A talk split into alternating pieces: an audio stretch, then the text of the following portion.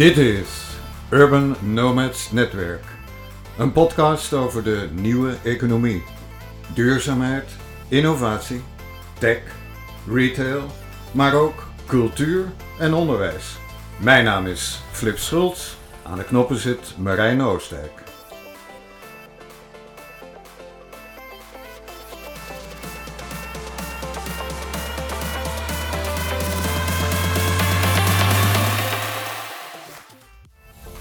Welkom in editie 27 van Urban Nomads Netwerk. En in deze editie is onze gast Chitse Plantinga. Welkom Chitse. Dankjewel Flip. General Manager Benelux. Eigenlijk ben je ook een soort van urban nomad, begrijp ik. Want vertel, voordat je bij HubSpot terechtkwam, want daar ben je dus de General Manager Benelux van, heb je nogal wat omzwervingen gemaakt. Ja, inderdaad, mooi, mooie verwijzing wat je aangeeft aan Urban Nomad. Ik had er niet zo over nagedacht eigenlijk. Um, maar inderdaad, klopt. Ik heb inderdaad ook wel, ja, misschien wel ongebruikelijk uh, pad te lopen als je kijkt uh, hoe ik uiteindelijk bij Nufsel ben terechtgekomen, voor, de context of de historie daarin, is dat ik in het buitenland heb gestudeerd, um, in Zweden, en een uitstapje gemaakt heb in Kaapstad.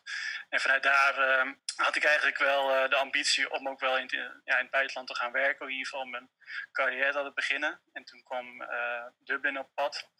En in Dublin heb je natuurlijk van die fantastische techbedrijven waar je toch ook wel snel carrière kan maken als dat wenselijk is in een mooie internationale omgeving. En daarin kwam ik bij Oracle terecht. En uh, vanuit daar heb ik aan tweetal jaar gezeten. En na die tweetal jaar dacht ik bij mezelf van...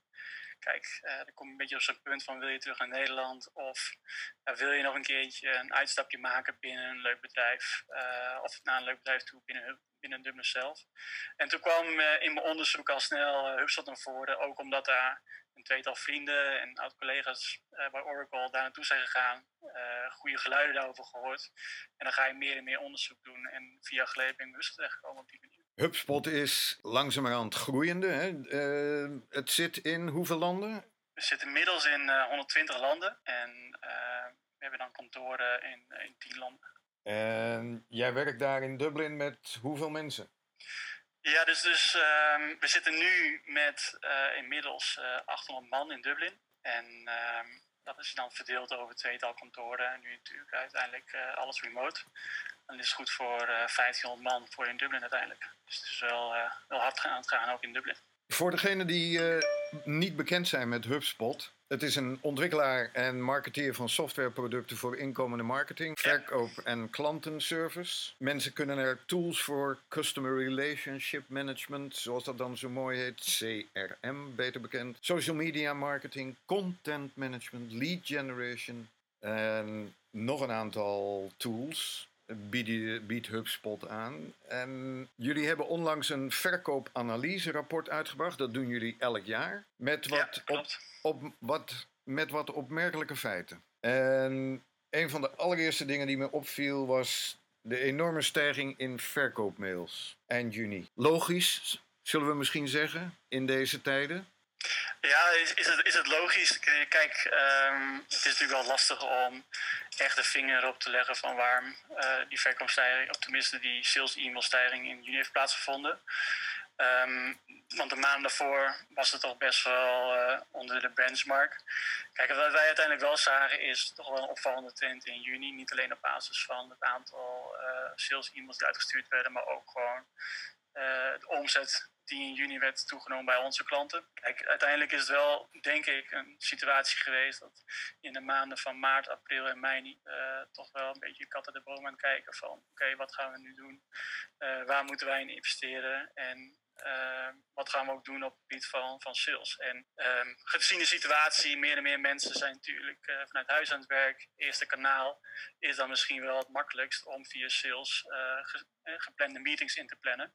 In plaats van dat jij uiteindelijk uh, toch wel die telefonische acquisitie doet. Dat je misschien wel gewend bent op kantoor te doen. Of uh, mensen die zijn natuurlijk ook minder bereikbaar. En daardoor uh, is dat sales e-mail kanaal wel, wel logischer. En dat zijn een van de redenen, denk ik, waarom in juni toch wel het aantal sales e-mails heb ja, zien, zien stijgen uiteindelijk. Ja.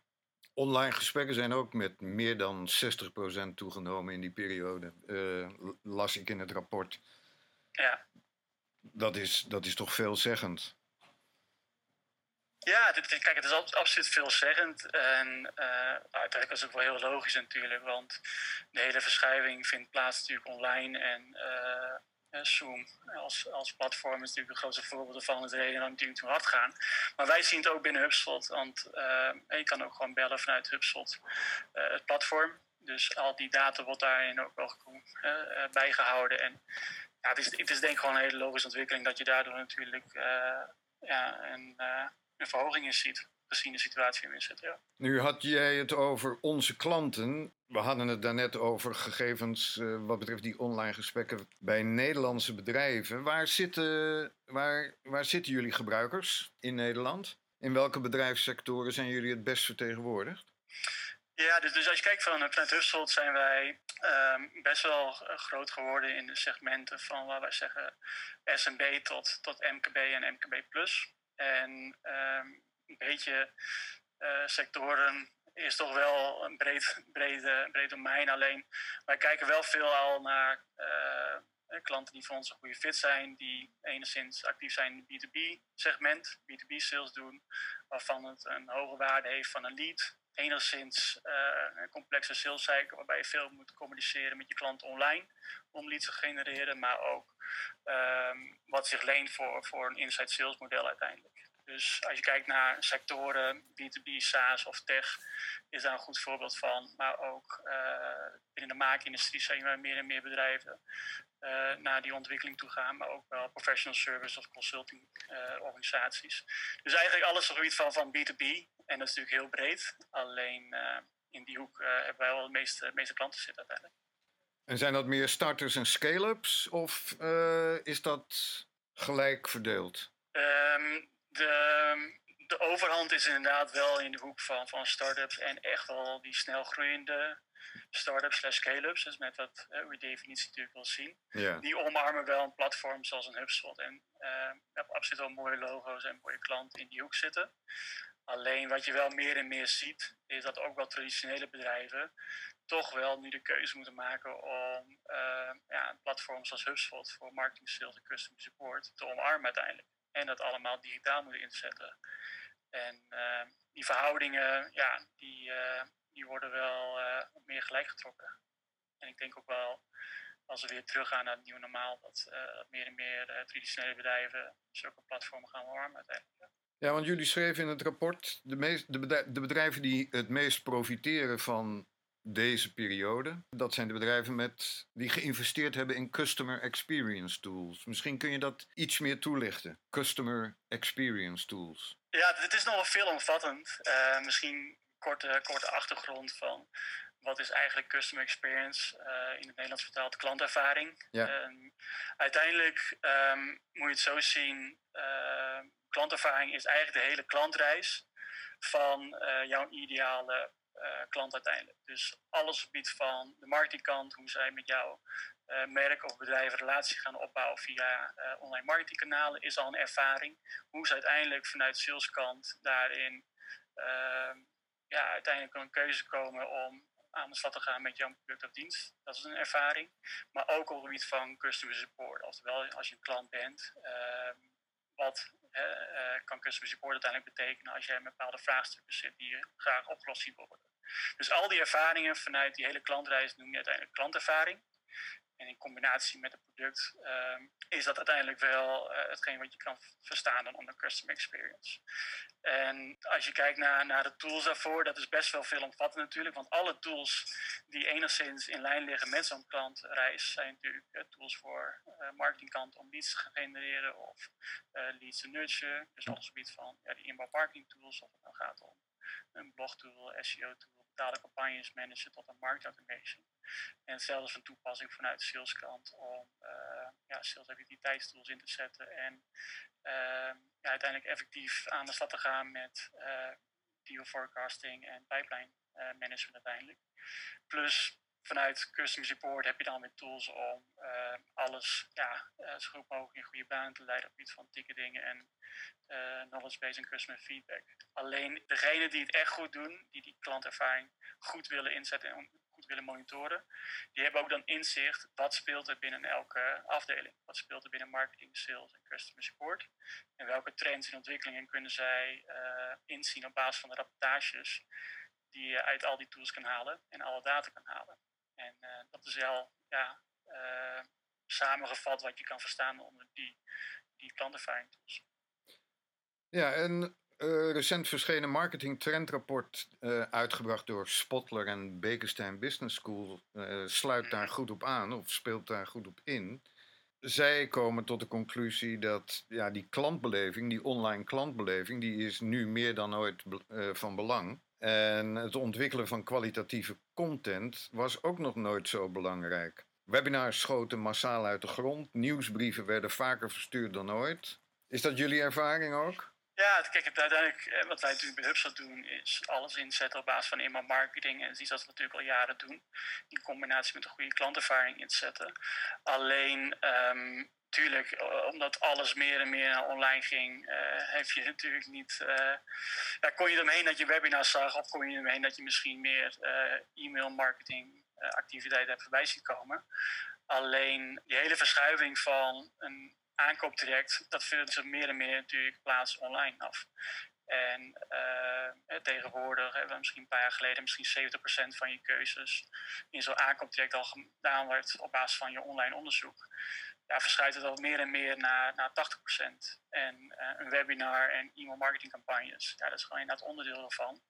Om uiteindelijk uh, ja, tot, uh, tot je aankoop te komen, inderdaad. Nou, zei je eerder in ons gesprek dat traditionele bedrijven langzamerhand ook beginnen te ontdekken dat dat online kanaal, dat moeten ze veel beter ontwikkelen. En dat is een van de redenen om gebruik te gaan maken van HubSpot. Maar jullie zijn niet de enige natuurlijk in het veld. Hè? Wie beschouwen jullie als jullie grote concurrenten? Nee, dit is absoluut een, een grote markt en we zijn absoluut niet de enige.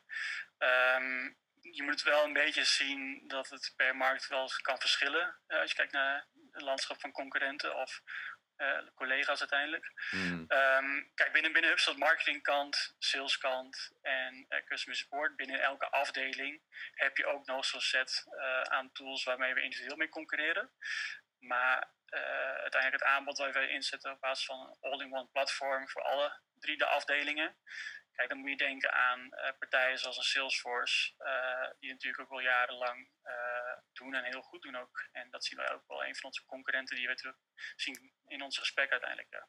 Dat is niet de minste? Dat is zeker niet de minste. Uh, het is natuurlijk de toonaangevende CRM, het meest toonaangevende CRM-platform. Alleen, uh, kijk, de markt is ontzettend groot en er biedt nog veel ruimte voor een partij als HubSpot om daar eh, ja, ook meer en meer markt uit te halen ten opzichte van Salesforce. Durf je aan te geven in, in welk opzicht jullie je onderscheiden van Salesforce? Um, nou, ik, ik, denk dat in grote lijnen een, een Salesforce is natuurlijk ontzettend groot geworden op gebied van uh, CRM-platform in de basis natuurlijk. Maar in de loop der jaren hebben ze natuurlijk wel meer en meer uh, technologie en bedrijven overgenomen. Is dat platform gigantisch geworden en ook best wel complex. Dus uiteindelijk is het een complex platform ook wel voor de eindgebruiker. En het is met name ook wel verkocht uh, richting C-level niveau. En die heeft ook wel kunnen ja, mengen in de visie natuurlijk vanuit Salesforce waar we weer naartoe gaan. En Salesforce is natuurlijk nog steeds wel goed voor bepaalde cases, bepaalde bedrijven. Echt een grotere enterprise organisaties, ja, die kunnen misschien nog beter aan de slag gaan met een platform als, Salesforce. Alleen wij zijn gewoon heel sterk op het gebied van uh, gebruiksvriendelijk platform inzetten voor die eindgebruiker. En uiteindelijk wegnemen van de complexiteit. En dat in combinatie met ja, een fantastisch team aan onze kant. Om uh, zo goed mogelijk die, die onboarding in te zetten en training mee te geven.